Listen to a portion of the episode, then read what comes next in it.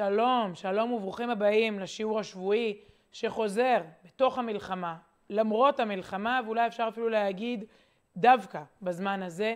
אנחנו מחזירים את המסורת הזו של שיעור שבועי על פרשת השבוע, חוזרים אבל קצת אחרת. קודם כל ברוכים הבאים, סיון רהב מאיר, אנחנו נשתדל להיות פה מדי שבוע עם הפרשה, עם הדופק, עם העוגן המשמעותי הזה. אנחנו אה, בשיעור, והנה אנחנו ככה רוצים קודם כל לקבל חיווי מכולכם, גם שרואים וגם ששומעים אותנו. הנה, אז הנה, כן, אנחנו מקבלים אה, חיווי גם מהפייסבוק, גם מהיוטיוב וגם מהזום שאתם רואים ושומעים. תעדכנו אותנו ונוכל ככה להתחיל כמו שצריך.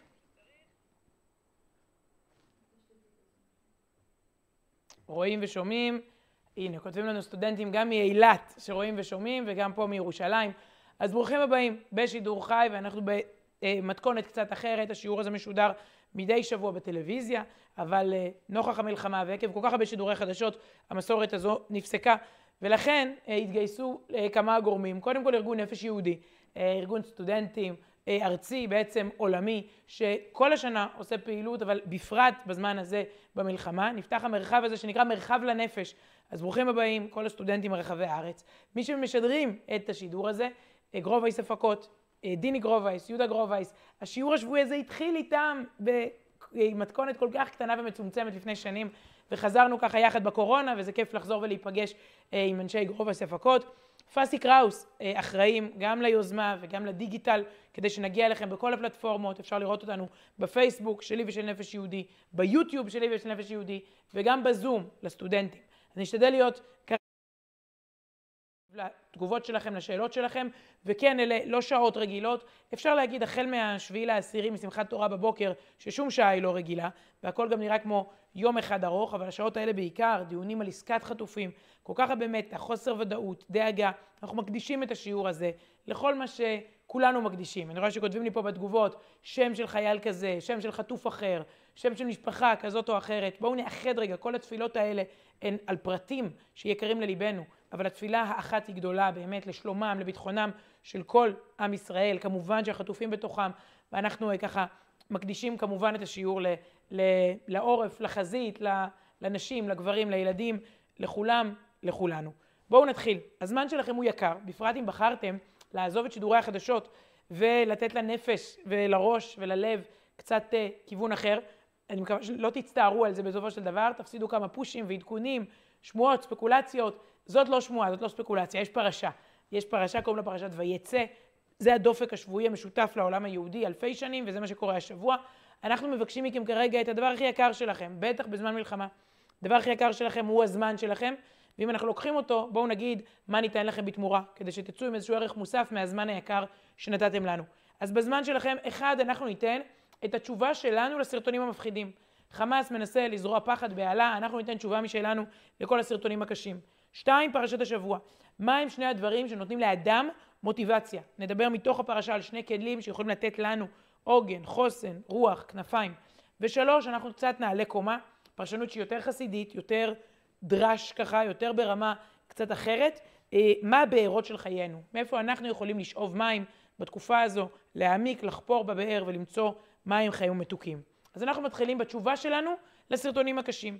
רבים מתושבי ישראל מהעולם כולו נחשפו למראות שהיינו מעדיפים לא להיחשף אליהם. התודעה שלנו, המוח שלנו, הלב שלנו, זה too much. אנחנו לא היינו אמורים לראות זאת, גם לא היינו אמורים בכלל לדעת ולחוות כזאת עוצמה של רוע, וכל הזמן רואים סרטונים. אתמול פגשתי אה, רופא שאמר לי, היה שם בשטח, הוא אמר לי, כולם מדברים על סרטונים קשים, אני ראיתי, אני הייתי, זה לא סרטון, זה החיים. אז כן, יש גם רבים ש, שראו, לא בסרטונים. מה עושים? בימים הראשונים הראשונים של המלחמה, התארחה אצלי באולפן פסיכולוגית שאמרה שאם הצפת את המוח בתכנים רעים, אתה חייב להציף אותו בתכנים טובים. כלומר, לעשות איזושהי, קוראים לזה תשובת המשקל. אם קיצוניות אחת רעה שטפה לך את המוח, תשטוף את המוח הפוך, בתקופ... בתמונות של בנייה, בתמונות של, של כן ולא של לא, של חיים ולא של מוות. זה מה שנעשה עכשיו. אני, חברים, עושה לכם שטיפת מוח. אני רק אבדוק קודם כל באמת שכולכם ככה איתנו, וזה מרגש לראות תגובות מהארץ, מהעולם, הרבה אנשים ששמחים שהשיעור חוזר, בראשם אני, נחזרתי אותו קודם כל אה, בשבילי, כדי לחזור ולהיות איתכם, והנה הם נמצאים איתנו באמת אה, רבים רבים, אה, וזה, וזה באמת משמח, וההקלטה זמינה לאורך כל השבוע, אפשר לראות את השיעור בזמן, במקום, שנוח לכם וככה להתחבר. אז אנחנו עכשיו מתחילים בשטיפת מוח, מתחילים בתשובה שלנו לסרטונים הקשים שראינו, ואנחנו מתחילים בתמונה שקיבלתי מאחות בשערי צדק, כמה תינוקות נולדו בחודש שחלף? 1,823. היא שיתפה אותי מתוך תחושה, קוראים לה חיה לוי, מתוך תחושה שלא יכול להיות שהשמחה הזאת תישאר רק במחלקת היולדות של שערי צדק. אנחנו סופרים מספרים של הרוגים, לצערנו הרב. סופרים עדיין מספרים של נעדרים וחטופים, לצערנו הרב. בואו נספור גם מספרים של לידות, גם זה קורה. זה מספר שיא של תינוקות שנולדו בשערי צדק, אתם רואות שבספר הלידות האחיות מסמנות את זה בשמחה מיוחדת. מספר שיא בגלל שיש עכשיו פה בירושלים אה, יולדות מהצפון, מהדרום, יהודה ושומרון, שנמצאות בבירה.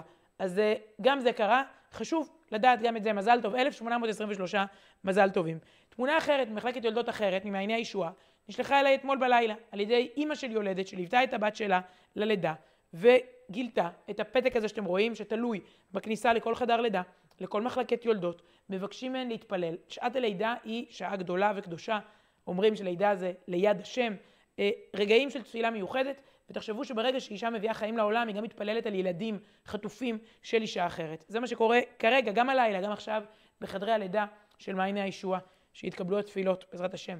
הייתי אתמול בעיר אופקים. אני רוצה שתראו אה, את השלט שנמצא שם בכניסה לעיר. בכניסה לאופקים כתוב, עיר של גיבורים. אה, אני חושבת שבכניסה לכל עיר צריך לתלות את השלט הזה. נגיד בסוגריים, זה, זה לא סוגריים, באופקים נפלו 50 איש בטבח של שמחת תורה, הגנו על העיר בגבורה, גיבורים אלמוניים, שהמציאות ממשיכה, כמה מכם, יודעים שחמישים איש נפלו באופקים. לכן הם תלו את השלט הזאת, עיר של גיבורים. אבל בכל עיר, אולי בכל בית, ואולי כל אחד יכול לשים כזה טאג על הבגד של גיבור, בית של גיבורים, עיר של גיבורים, באשר אתם. יש הרבה מאוד גבורה אלמונית ואנונימית. בתקופה הזאת צריך לתת לה תשומת לב ולזכור, וכך בעצם נראית אופקים היום.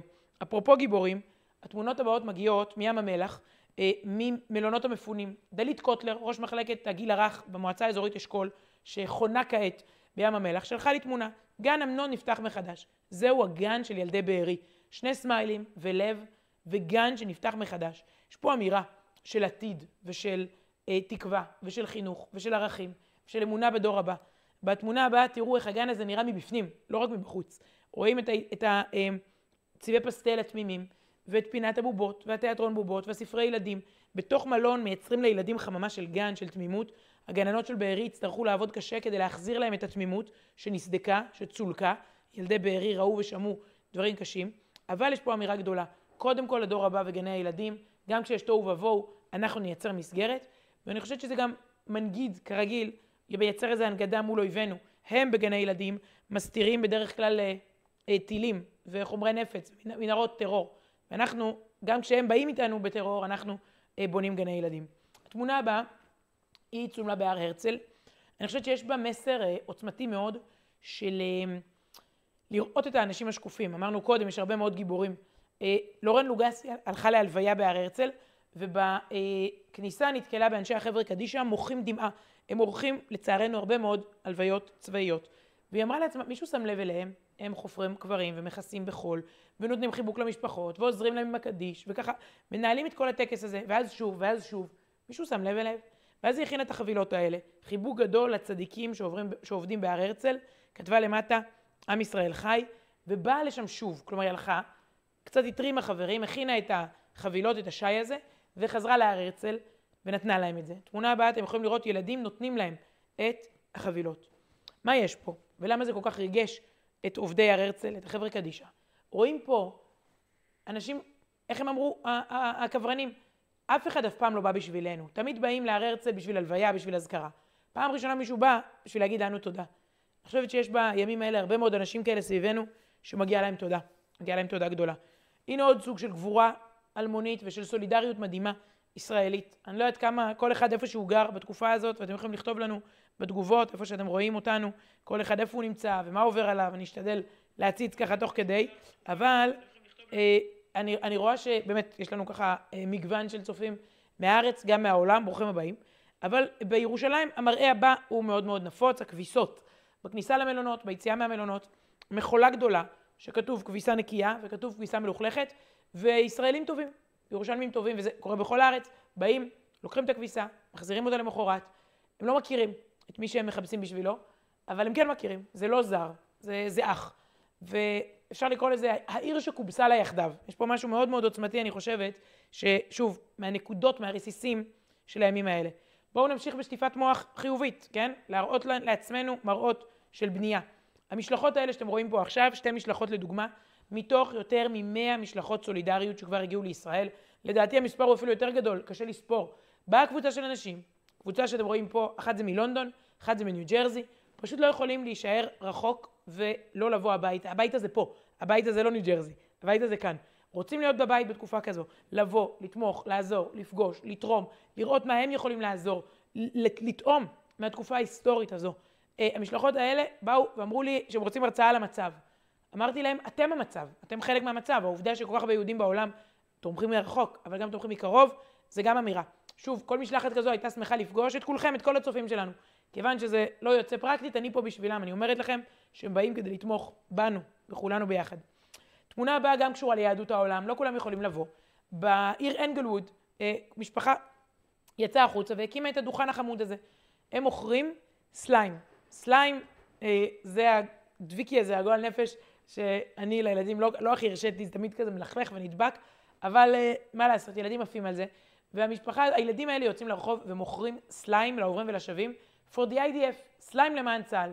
הם הצליחו למכור אלף דולר של סליים. אלף דולר, בקרוב ירגישו את זה בתקציב הביטחון, למי שדאג, אז בקרוב יגיעו הכספים מאנגלווד, אלף דולר לתקציב של צה"ל. על זה נאמר עם ישראל סליים. אבל באמת, שוב, מה זה אומר? שילדים רחוקים יש להם קשר, ויש להם אה, זהות, ויש להם איזה שורשים פה, והם ימכרו סליים בקצה העולם בשבילנו, בשבילם. שלוש התמונות הבאות, שהן גם האחרונות, הן מרגשות במיוחד.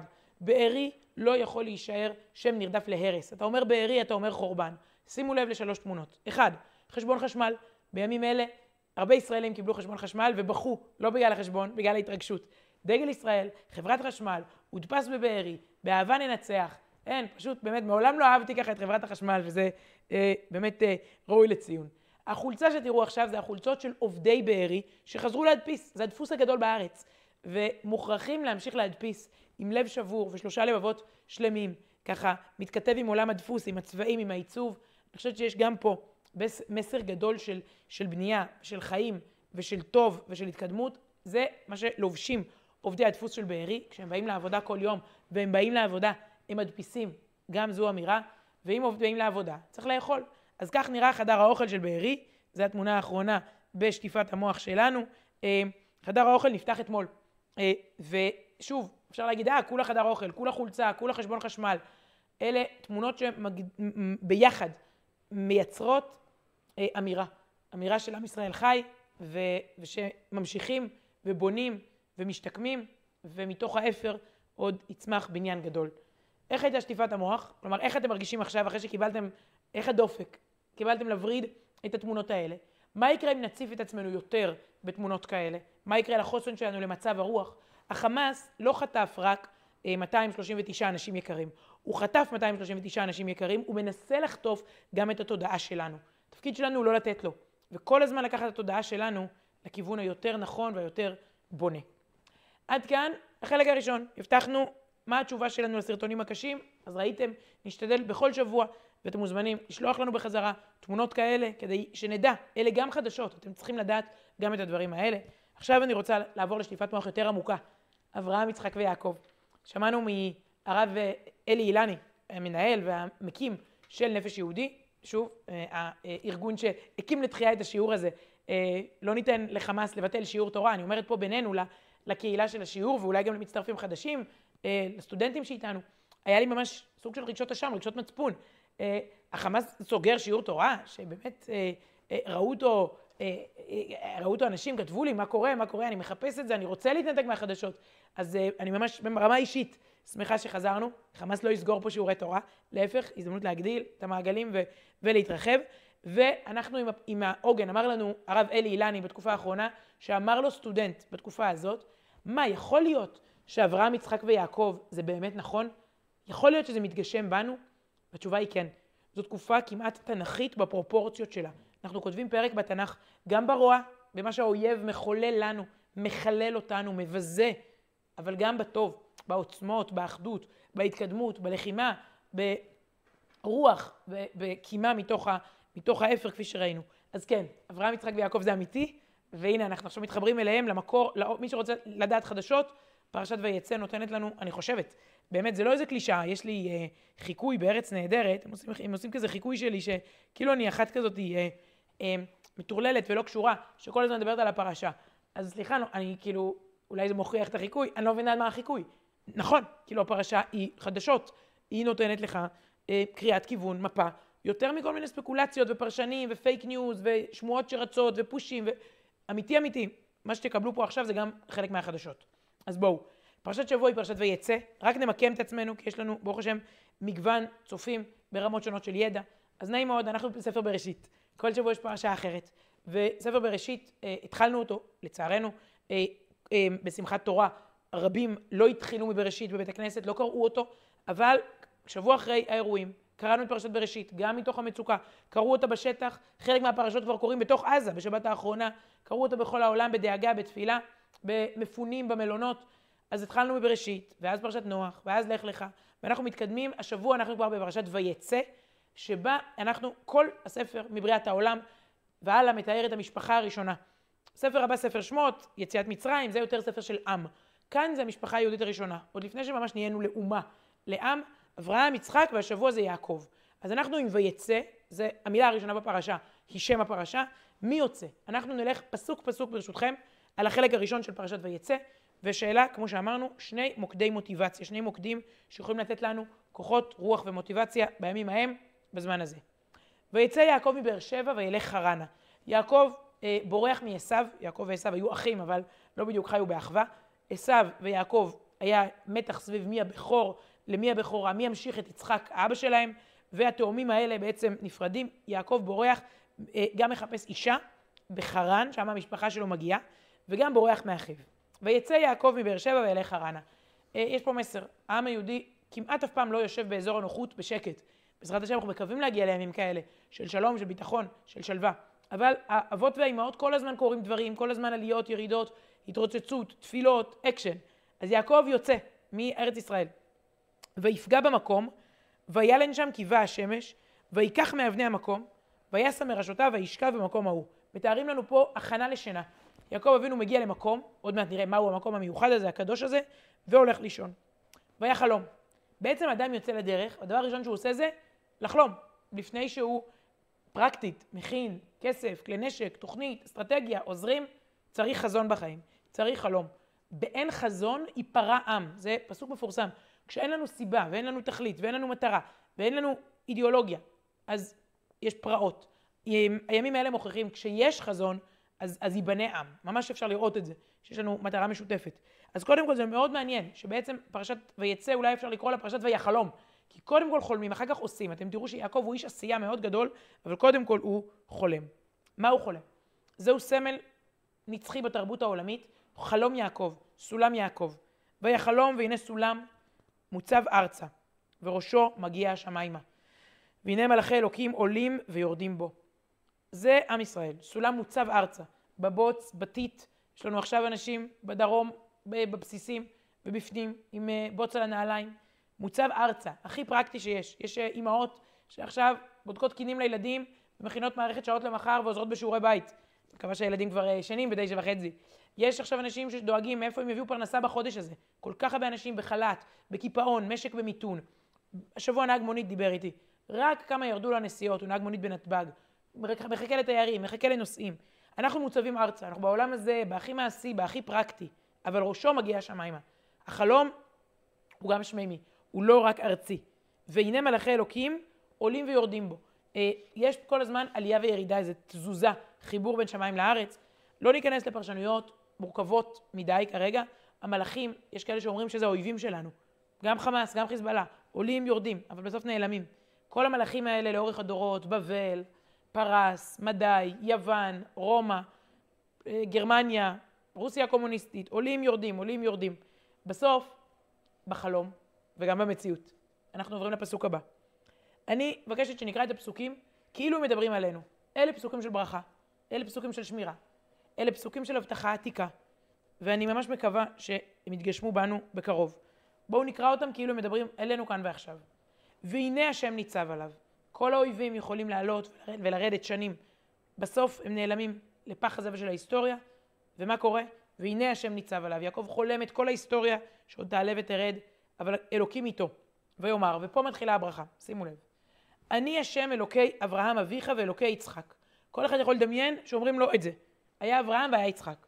הארץ אשר אתה שוכב עליה, יש לנו חבר'ה שעכשיו שוכבים על הארץ, לך אתננה ולזרעך. המקום הזה, שלך לנצח. והיה זרעך כעפר הארץ. יהיה לך, יש כאלה שאומרים שזה בכמות, שיהיה לנו כל כך הרבה צאצאים, עוד לא זכינו שיהיו כל כך הרבה יהודים, אבל כעפר הארץ זה גם אומר שנהיה בכל מקום כמו עפר. נהיה בכל יבשת, נהיה בכל מקום בעולם הזה. זה ודאי יתקיים. ופרצת, אתה תתחזק ואתה תפרוץ. ימה וקדמה וצפונה ונגבה. מתקיים ואנחנו מקווים שיתקיים עוד יותר. ונברחו בך כל משפחות האדמה ובזריך. מברכים אותנו שאנחנו נהיה ברכה. הברכה הכי גדולה להיות ברכה לאחר, ברכה לעולם. מי שמסתכל קצת, איך בנוי כרגע העולם המערבי, הנאור, שמסתכל עלינו, הוא רוצה לראות איך מתמודדים עם רוע. לא סתם הסיסמה הכי טובה בהסברה בעיניי, אחת הטובות, The West is next. המערב הוא הבא בתור. אם שדרות לא בטוחה, ניו יורק לא בטוחה. אם אין בארי, אין לונדון. הם יודעים את זה, זה רק עניין של זמן. כלומר, אם חמאס פה, באירוע הזה, חלילה חלילה, גובר, זה אירוע עולמי. זה מוכיח שטרור פונדמנטליסטי, אלים, אסלאמי, שמקדש מוות, מנצח את מי שמקדש חיים וטוב ואור וחסד וצדק. אז, אז אין סיכוי להפסיד פה. והעולם מסתכל. ונברכו בך כל משפחות האדמה, יהיה לך בשורה. עם ישראל אומר עכשיו משהו לעולם, אמירה מאוד ברורה. כל תמונה שהראינו בהתחלה היא אמירה כזאת. והנה אנוכי עמך, ממשיך הקדוש ברוך הוא להגיד ל- ליעקב, להגיד לנו, אני איתך. ושמרתיך בכל אשר תלך, כל אחד מאיתנו עכשיו. והשיבותיך אל האדמה הזאת, לכאן, כן, אתה עוד תצא לגלויות, אבל תחזור. כי לא אעזובך, אני לא עוזב אותך. עד אשר אם עשיתי את אשר דיברתי לך. עד שכל הנבואות לא יתקיימו, ההבטחות הטובות, השמימיות, המושלמות, לא יתקיימו בנו, הקדוש ברוך הוא לא עוזב, הוא איתנו. יהיו עליות וירידות בדרך, כמו בברית בין הבתרים, מי שזוכר, אה, לאברהם, גם יעקב זוכה למעמד כזה של הבטחה היסטורית, וכל אחד יכול לשמוע את ההבטחה הזאת לעצמו ולראות מה זה עושה לו. אצל יעקב זה עושה דבר מאוד ברור, תסתכלו. ויקץ, ויקץ יעקב משנתו, ויאמר, אכן, יש השם במקום הזה, ואנוכי לא ידעתי. אה, קרה פה אירוע קדוש שהזדמן לי ככה תוך כדי. כולה הלכתי לישון, אני בורח מאחי, אני לא יודע מי, מה אני ומי אני, אני פליט. אלוקים יכול לחכות לך בכל מקום. במלון של המפונים, בשטחי אה, אה, הכינוס, בלחץ בחזית ובעורף. יש השם במקום הזה ואנוכי לא ידעתי, זה אומר לחפש אותו בכל מקום, כרגע הוא ודאי נמצא בכל מקום, ואתה מתעורר וככה להיות ערני לרגעים כאלה. אבל הדבר האמיתי שקורה ליעקב, והלוואי שהוא יקרה לנו, אמרנו, שני מקורות של חוסן. יעקב מהחלום הזה מקבל עוצמה גדולה. כשיש מה אפשר לשאת כל איך. ויישא יעקב רגליו וילך ארצה בני קדם. הוא מתרומם וימשיך במסע. הוא לא ישן רק כמות פיזית של שעות כדי שהגוף יקבל כוחות. צריך אה, שש שעות אה, שינה בלילה, שבע, שמונה. בואו, כמה אתם ישנים משמחת תורה? אני לא, לא אשאל פה בצ'אט, תודה על כל התגובות, אני עוד מעט אסתכל בתגובות של כל צופינו, אבל לא ניכנס לסוגיה הרגישה הזאת של שינה. ואיך אנחנו אוכלים, ואכילה רגשית, ונעזוב את כל זה. אבל יעקב לא ישן רק כדי לקבל כוח פיזי להמשיך ללכת. שימו לב לרש"י. כשכתוב ויישא יעקב רגליו, זה ביטוי מעניין, לא כתוב וילך. רש"י אומר, מה זאת אומרת הוא נשא את רגליו? בן אדם הולך, הוא לא נושא את הרגליים. מי שנתבשר בשורה טובה, שהובטח בשמירה, נשא ליבו את רגליו ונעשה קל ללכת. מי שנשא את יעקב זה לא הרגליים, זה הלב. כשיש לי איזשהו אידיאל, אני מקבל יותר כוחות לממש אותו. יעקב הוא לא קם ישנה ככה, הוא רץ משינה, הוא קופץ משינה, הוא מזנק משינה, הוא מתלהב משינה וממשיך ללכת. לפני רגע הוא היה מסכן, בורח מאחיו, מבוהל, לילה, חושך, שוכב לישון בין אבנים, בין חיות רעות, אומרים לנו פרשנינו. לא יודע ככה מה ומי, מתעורר חדור מטרה, חדור שליחות. כשלאדם יש שליחות, הוא הרבה יותר שמח, הרבה יותר כוחות יש לו. זה כלי ראשון לכל אחד מאיתנו, לדעת שאנחנו כותבים סיפור גדול, שאנחנו חלק מסיפור גדול, שלכל אחד תפקיד, אולי התפקיד נראה קטן, באמת, אני כל כך הרבה פוגשת אנשים שמרגישים קצת ברגים, אבל בלי כל הברגים האלה אין מכונה. כל אחד הוא בורג קטן בתוך הסיפור הגדול הזה. אה, אז זה קודם כל. המקור הראשון לחוסן, הבטחנו שניים. המקור הראשון, מה נותן לו כוח? האלוקים שלו, החזון, ההבטחה, השמירה, החלום, וכאמור, זה גם שלנו. הדבר השני שנותן כוח, ופה אנחנו נכנסים לתחום אה, אה, יותר, מה שנקרא down to earth, תרתי משמע, זה כבר לא מוצב ארצה וראשו מגיע השמיימה. זה פה, זה בעולם הזה. אנחנו נכנסים לעולם הזוגיות, הדייטים, השידוכים, המשפחה, השלום בית. אם הנושא מדבר אליכם, מוזמנים להישאר. וירא והנה באר בשדה, יעקב ממשיך ומגיע בעצם לחרן והוא רואה באר בשדה, והנה שם שלושה עדרי צאן רובצים עליה, כי מן הבאר ההיא ישקו העדרים, והאבן גדולה על פי הבאר. אמ, הוא בעצם רואה אירוע. יש פה באר, אבל כדי להגיע למים צריך הרבה מאוד רועי צאן לגלול את האבן. והתורה ממשיכה. ונאספו שם כל העדרים וגללו את האבן מעל פי הבאר. כלומר, האבן כל כך כבדה שצריך הרבה רועים אה, להזיז אותה, והשקו את הצאן והשיבו את האבן על פי הבאר למקומה. יש פרשנים שמסבירים, הם פשוט היו רמאים, ולכן הם לא סמכו אחד על השני. אז הם, הם לא הסכימו לשים אבן שאחד יוכל להוריד ולהחזיר, רק ביחד, כדי שכל אחד ישמור על השני, הוא נולד שלא יגנבו מים. בכל מקרה, הוא מגיע לאירוע שצריך בו הרבה מאוד אנשים בשביל להזיז את האבן. יעקב, ויאמר להם יעקב, פונה אליהם בלשון אחווה. אחי, מאין אתם? ויאמרו, מחרן אנחנו. אלה המילים הראשונות שיוצאות מהפה של יעקב אחרי החלום. התורה גמרה לתאר את החלום, מתארת את המסע.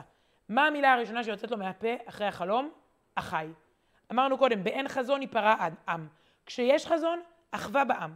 אחי, יעקב אבינו, הוא ממש רוצה להשיב את האמון ואת האחווה בקרב יושבי הארץ. הוא בא בגישה של אחים שלי, של אחי. כל כך מאפיין אותנו מאז שמחת תורה. האחווה הזאת, האמון הזה, הבסיסי, הרצון לייצר אחווה. אחי מאין אתם? ככה פונים. הוא מביא למזרח הקדום, כן, נורמות של קדושה של עם ישראל. הם עונים לו, מחרן אנחנו, בהמשך הם אומרים לו. אנחנו קופצים קצת פסוקים, אבל בגדול אנחנו עם העלילה. בהמשך הם אומרים לו, ויאמרו, לא נוכל עד אשר יאספו כל העדרים וגללו את האבן מעל פי הבאר והשכינו הצאן. טוב, זה כבר פעם שנייה או שלישית שהתורה חוזרת על הנקודה הזאת, שהאבן הזו, הבנו שזה כבר האבן הכי הכי כבדה שאפשר אה, לאדם יחיד. צריך פה חבורת רועי צאן מנוסים, ויעקב הוא לא רועה צאן, הוא איש תם, יושב אוהלים. מילא עשו היה מגיע, עשו אחיו, הצייד, האלים, הכוחני, החיצוני, יעקב איש פנימי מאוד, תמים. עודנו מדבר איתם, עודנו מדבר עמם, ורחל באה עם הצאן אשר לאביה, כי רואה היא. קורה פה אירוע. רחל והצאן מתקרבים אל הבאר. זה פסוק מפתח, שימו לב.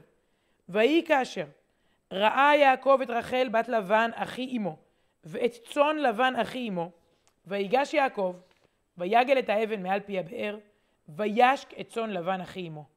אנחנו רואים פה שאדם שרואה אדם אחר מסוגל לכוחות שלפני רגע לא היו בו. לפני רגע זו הייתה אפשרות אך ורק לחבורה של שלושה עדרים של רועים, של רועי צאן, ועכשיו זה משהו שיעקב עושה לבדו. חז"ל מתארים שהוא ממש כמו לפתוח פקק, ככה, משהו כזה, בקטנה. אפילו לא כדורים כאלה של אקמול שצריך ללחוץ ולעשות, לא. והיה לכם איזה בקבוק, פתחתם, ככה, ככה הוא העיף את האבן מעל פי הבאר ומשקה את הצאן של אה, רחל שם. מאיפה הכוחות? מה הסיפור? למה זה מעניין? מה זה קשור? אתמול קיבלתי מכתב ממילואימניק מהשטח, יצחק כהן קוראים לו, הוא כתב לי כך, אתם עכשיו תראו תמונה שלו רק מהגב, עכשיו תבינו עוד מעט למה זה רק מהגב. שלום סיוון, שמי יצחק. שלום סיוון, שמי יצחק כהן, היום יום הנישואים שלי ואני במילואים. אני מקדיש לאשתי מכאן רעיון קצר שמתאים לעוד משפחות רבות. בפרשה שנקרא, יעקב מגיע לבאר, טוב אתם כבר יודעים, רואה את הרועים, רואה אבן כבדה, ואז כתוב, ויהי כאשר ראה יעקב את רחל, ויגל את האבן מעל פי הבאר. כתוב, כך הוא כותב, בספר של הפרשן שנקרא בעל הטורים, בעל הטורים, הוא כותב ככה, כיוון שראה אותו, שרתה עליו רוח הקודש, שרתה עליו רוח הקודש. כיוון שהוא רואה את רחל, יש פה שכינה. איש ואישה זכו, שכינה ביניהם. השכינה הזאת נותנת לו כוחות להזיז אבנים. במילים שלנו, כותב לי המילואימניק יצחק כהן מגבול הצפון, במילים שלנו, בן הזוג נותן לנו עוצמה גדולה וקדושה. המשפחה שלנו, נוטעת בנו כוחות נפש אדירים. בימים אלה, המשפחות שלנו, שנשארו בעורף, מנהלות שגרת לחימה בתוך הבית. הן נותנות לנו בחזית את הכוחות האדירים. בזכותכן אנחנו מסוגלים גם להזיז אבנים במקומם. כך כותב יצחק כהן, תודה לאשתי הוא כותב על מקור הכוח הזה, מזל טוב לנו במלאת 17 שנות נישואים, היא לא תרצה לפרסם תמונה זוגית, אז הנה רק תמונה שלי בשטח. כך כותב יצחק כהן, והסיפור אני חושבת הוא, יש פה זוגיות, יש פה אהבה, זה נותן כוחות. אבל גם מפגש עם אדם מרומם, עם אדם גדול, נותן כוחות. אני לא אשכח, הרב חיים נבון אמר, שהוא הגיע לישיבה ביום הראשון, בחור מה... למד בבית ספר, בעיר, הגיע ביום הראשון ללמוד בישיבה, והוא אמר כך, עד היום ידעתי שכל בני אדם הם חתולים. פתאום פגשתי אריה. כלומר, עד היום לא ידעתי שיש דבר כזה אריה. יש אדם גדול. אדם צדיק, אדם מרומם, רחל, נו, זה רחל אימנו, מה זאת אומרת? זה עוצמות שיעקב עד היום לא פגש. זה נותן לו כוח להזיז את האבן. אז מפג... אני אומרת, זה גם בזוגיות, אבל גם בכלל, להקיף את עצמנו, קודם כל שהבן בת זוג ייתנו לנו עוצמות, שנמצא אותם, בעזרת השם. אני מאחלת לכל הרווקים, זו תקופה כזאת של, אני חושבת שהטרנד הקודם היה טרנד החתונות, ראינו אותו, טוב, יש את אה, טרנד השפמים, לא ניכנס לזה, כן, אמרנו תמונות קשות, אנחנו לא רוצים להציף את התודעה בתמונות קשות, תמונות אימה. יש את טרנד השפמים, יש את טרנד החתונות בשטח, יש את טרנד הצעות הנישואים. אני אומרת לכם, זה הדבר הבא. אה, יוצאים לאפטר, מציעים. יוצאים כמה פעמים, חותכים, סוגרים. יש לי המון סיפורים שאני מכירה, שגם שלחו לי, אה, של אירוע כזה של, של דווקא, מתוך, מתוך המלחמה והאי ודאות שלה, לייצר ודאות. מתוך זה שהם חיללו לנו בתים ומשפחה, לבנות בתים, לבנות משפחה. זה, יש פה מסר. אז אה, תודה ליצחק כהן המילואימניק, ותודה ליעקב ורחל, שמזכירים לנו שוב, גם כוח של בן בת זוג, אבל גם של אדם גדול. זה יכול להיות רב, זה יכול להיות מדריך, זה יכול להיות מורה, יכול להיות אה, כל אדם שאח גדול, מי שמקיף אותנו ונותן לנו כוחות להזיז אבנים. שימו לב שרחל מבטלת את כוח הכבידה. אשכרה, ביטלה את הכובד. עכשיו היא הולכת לבטל עוד כוח, רחל, את כוח הזמן. מופיע בהמשך, יעקב מגיע אליה הביתה, מציע נישואים, ואז לבן אומר לו, תעבוד שבע שנים, תקבל. ואז מופיע פסוק שהוא השראה לשירים ולספרים, ופסוק שנחשב מאוד מאוד רומנטי. ויעבוד יעקב ברחל שבע שנים, ויהיו בעיניו כימים אחדים באהבתו אותה. זוכרים שאמרנו שרחל ביטלה את כוח הכבידה, את הכובד? עכשיו היא מבטלת את הזמן. העוצמה שלה פשוט מצליחה לבטל אה, כוחות טבע. מה זה באהבתו אותה? יעקב אבינו עובד שבע שנים, למה זה ימים אחדים? אם הוא כבר רוצה להתחתן, אז להפך, כל יום ויום זה עוד, נמרח כמו מסטיק. טבלת ייאוש, מחכה שזה יגיע. כותב רבי עובדיה ספורנו, הפרשן מאיטליה, מה זה באהבתו אותה? שאהבה מקלקלת השורה. אהבה היא מזיזת דברים, ובגלל שהוא מקים בית איתה, שזה כל כך דבר גדול, אז שבע שנים נראה כלום. בשביל להקים בית עם רחל אימנו, אמר את זה רבי שלמה קרליבך על הגאולה. אלפיים שנים בונים, אבל זה יהיה כהרף עין, לעומת מה שנקבל בסוף. כזה בית מקדש, כזאת גאולה. אלפיים שנות גלות יראו פתאום כ... מה זאת אומרת? בשביל, בשביל מה שנקבל בסוף. בית שבונים אותו ככה בשנים, מחכים לו. אה, עולם, עידן, שמחכים לו ככה בזמן, זה חייב להיות משהו ששווה את האלפיים שנה האלה. אז הלוואי, בקרוב. אבל אנחנו, גם בדברים של שווה לו, יעקב אבינו, השבע שנים האלה הם כלום לעומת הזכות להתחתן איתה. יש עוד פירוש מעניין של חלק מהפרשנים. שגם מעיד על אהבה. רחל אימנו הייתה צריכה לעשות את העבודה, זו עבודה קשה. יעקב מחליף אותה. כל מצוקה וכל קושי, הוא אומר, אה, חסכתי את זה מרחל אהובתי. כלומר, יש איזה קוצים ודרדרים, אני עושה את זה במקום רחל. קשה להאכיל בלילה את הצאן, את הבקר, הם בועטים, הם אה, כבדים, הם אה, לא אוכלים, הם כן שותים, הם אה, מתפרעים. כל דבר כזה הוא חוסך ממנה. וכשאוהבים, הוא אומר, אני, אני, אני סופג את זה במקומה, אני עובד במקומה. לכן זה בשבילו קל, כי, כי הוא יודע שהוא, שהוא מקל עליה, שהוא עושה דברים במקומה. אז אנחנו ראינו פה שני מקורות, שגם היום יכולים לתת לנו עוצמה. הראשון זה החלום, החזון, הסיפור הגדול של העם היהודי, והשני זה המשפחה והבית והזוגיות, זה יכול להיות גם ילדים.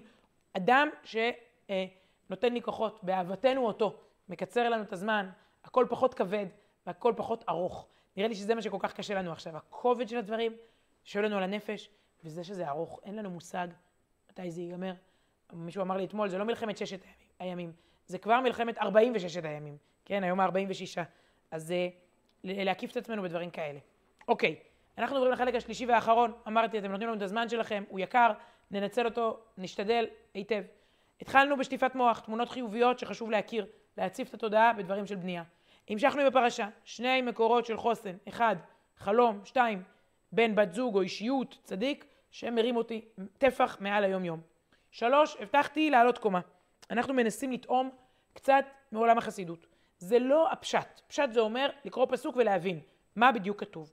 זה פרשנות חסידית, פרשנות יותר אישית, אינטימית, מיוחדת. אנחנו נטעם מספר שקוראים לו נתיבות שלום. ספר מומלץ ביותר. כתב אותו הרב שלום נוח ברזובסקי, חסידות סלונים, פה בירושלים. הוא הדור הקודם של ההנהגה של הקבוצה הזאת, והספר הזה, נתיבות שלום, פרץ את הגבולות של החסידות הזו, קוראים אותו מגזרים רחבים, כי הנה, עוד מעט תראו למה.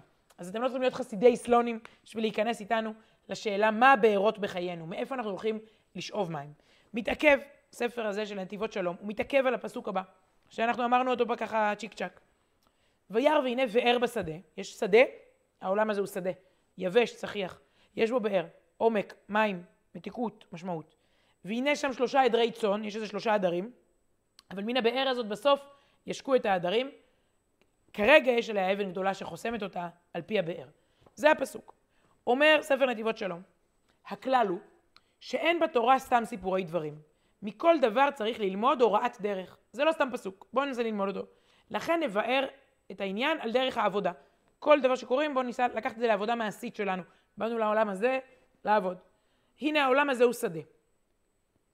אה, אבל כדי אה, אה, לגעת במהות שלו, יש גם באר, מקור שממנו אפשר לינוק מים, מים זה תורה, מים זה קדושה. ויש כמה בארות, אנחנו נדבר על שתיים. הבאר הראשונה היא באר שקוראים לה שבת קודש. וראש לכל העניינים, עניין שבת קודש, שהיא הבאר שלנו בשדה.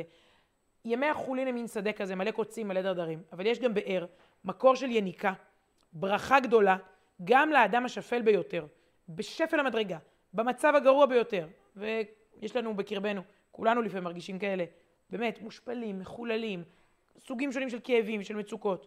יש מקור לינוק קדושה ושמחה מאותה באר, שהיא כמו חגורת הצלה, שמי שטובע יכול לאחוז בה ולהינצל. השבת כחגורת הצלה להיאחז.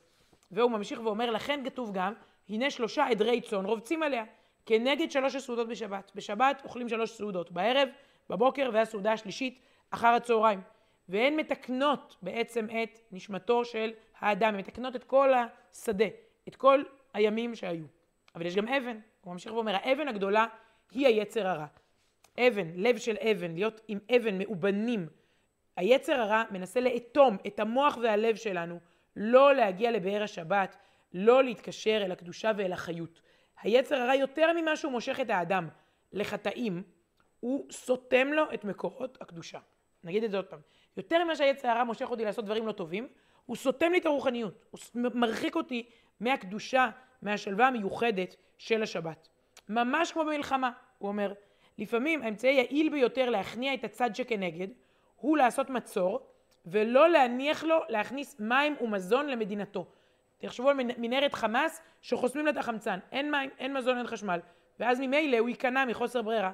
כך גם היצר הרע המסוכן, חוסם לנו את הקשר לבאר, זאת האבן שעומדת שם. והעצה היא להזיז את האבן ביחד, כל העדרים. האחדות של יהודים ביחד בשבת, הביחד. כנסת ישראל ביחד מגיעה, אם הם מקושרים ביחד כאחד, הם מסוגלים לגעת, לגלול את האבן מעל הבאר ולגעת במים החיים. פרשנות אמרנו שוב, היא חסידית, היא סמלית, אולי גם קצת קבלית, אבל יש שדה, יש באר, יש אבן שמפריעה לנו להגיע לרוחניות, צריך שלושה עדרים, צריך אחדות. ביחד בשבת מרגישים הרבה יותר, אם אתה נמצא עם אנשים ולא לבדך. המסר השני שלו, באר אחרת. באר שהוא קורא לה, אנחנו ממשיכים עם ספר נתיבות שלום, לימוד התורה. בחינת באר בשדה. לימוד התורה ועבודת התפילה הם באר. שוב, זה מים חיים, זה להגיע למקור של קדושה ושל שלווה. וגם אדם במקום הירוד ביותר, הרחוק ביותר, השפל ביותר, העצוב ביותר, יכול להיחלץ מכל המצבים אם יסיר את האבן הגדולה. מהי האבן הגדולה? שוב, כל דבר שמסיח את דעתי, כל דבר שמפזר לי את התודעה. הנה, האבן, הגדולה, היצר הרע מתגבר, אל תעסוק בתורה, אל תתפלל, מחשבות זרות, הפרעות, מתחים, להגיע אל המים החיים, ושוב כתוב פה על מה שנקרא באופן סמלי המספר שלוש, שלושת העדרים, אנחנו מדברים על תפילה, על שחרית, על מנחה ועל ערבית, ו... כדי להסיר את האבן הזו, הוא אומר שוב, צריך לעבוד קשה. יש, העולם הוא שדה, המון המון דיבורים שהם לא דיבורים, לא של תורה ולא של תפילה. המון המון המון מלל, שהוא לפעמים הבל, ולפעמים גם יותר גרוע מזה, המון המון מילים. כדי להגיע למילים משמעותיות של לימוד ושל תפילה, צריך להסיר את האבן ולהגיע לקשר עם המים, כלומר עם התורה והתפילה באמת. אה, והעצה היא ביחד, תפילה בציבור, להתפלל ביחד עם אנשים, שוב זו העצה הזאת של שלושה עדרים, להתחבר ביחד. אם אנחנו מקושרים, מגיעים אל הפנימיות ואפשר לגלול את האבן מעל פי הבאר. והוא אומר, אפשר לחבר את שלושת הדברים, את התורה, את התפילה ואת השבת, ואז בכלל, כל הבארות בשדה, אנחנו מגיעים אליהם, וישתו מים חיים. כך כותב לנו הספר המיוחד הזה, נתיבות שלום, על שתי בארות שאפשר לצלול לתוכן, שבת ותורה ותפילה. אני רוצה רגע לסכם מה שעשינו פה אה, ביחד. כל הדברים מאוד קשורים לימינו אנו. שבתות שלנו קצת שונות, ודאי שהתפילות, ודאי של לימוד התורה. אה, הקשר עם בן בת הזוג, אה, דיברנו על כל מיני דברים שהם היום נכתבים מחדש. מצד שני, החלום של יעקב, ודאי שאנחנו כותבים מחדש את החזון שלנו, מנערים את האבק מעל כל כך הרבה דברים ונזכרים בחלום המשותף. אז את כל זה ביחד, אנחנו ככה ניסינו לגעת בדברים, גם לראות תמונות של חוסן ובנייה, מוזמנים לשלוח לנו עוד תמונות כאלה בעזרת השם שבוע הבא. גם מתוך הפרשה לראות איך ליעקב יש כוחות, מתוך החלום ומתוך המפגש עם רחל, שמבטל את הכבידה, מבטל את הזמן. וגם לסיום לטעום, מפרשנות שהיא יותר חסידית, ואני אסתכל עוד מעט בתגובות שלכם כדי לראות אם ככה להמשיך ללכת אה, גם בכיוון הזה. הנה עוד מעט אני אציץ בתגובות השונות. אבל באמת אה, אה, שני כיוונים של באר שאנחנו אה, יכולים לגעת בה, גם בימים האלה, לא לתת לאבן הכבדה להסתיר מאיתנו את הבאר ואת המים החיים. שוב, תודה. קודם כל לכם, אם פיניתם זמן יקר בזמן מלחמה, אז כבר, זה אומר שאת, שכבר ניצחתם. אה, אמרנו, חמאס רוצה לחטוף לנו את התודעה. מי שבא לשמוע על הפרשה, תודה שלו לא נחטפה. תודה לכם בארץ ובעולם שהייתם איתנו. כאמור, יש הקלטה שזמינה מעכשיו, זה עולה בכל, בפודקאסט, זה משודר ברדיו גלי ישראל, רואים את זה במטוסים של אל על, כמובן בקבוצות הוואטסאפ שלי, בפייסבוק, ביוטיוב שלי ושל נפש יהודי. תודה שוב לאנשי ארגון נפש יהודי, הרב אלי אילני ומוטי כץ ויעל זהבי וכל הרכזים והרכזות שאני כל כך באמת מכירה ואוהבת. תודה לכם על אה, תחיית המתים, על זה שאתם לא נותנים לחמאס לבטל שיעור תורה. תודה רבה לאסף פסי, אה, מאחורי הקלעים, על המיזם, יחד עם אבי קראוס, חברת פסי קראוס, שעושים את הדיגיטל, ובעצם אם הלינק הזה הגיע אליכם, זה כנראה בזכותם. תודה לגרובייס הפקות, לדיני גרובייס ויהודה גרובייס, באמת. אה, לא נעים שתמיד אנחנו מחזירים שיעורים כאלה במצב חירום, בקורונה, במלחמה, אנחנו כנראה צריכים להיפגש גם בדרכים אחרות, אבל כיף לעבוד עם כאלה מקצוענים. אני עוד לא ראיתי פה תלונה אחת של תקלה, ואני רואה שיש לנו פה אלפים שצופים אה, בכל אה, הפלטפורמות, תודה גדולה גם להם. נאחל לכולנו אה, בשורות טובות, ישועות ונחמות, לכם ולכל אשר לכם, בארץ, בעולם, בחזית ובעורף, בשורות טובות ולהתראות. לילה טוב.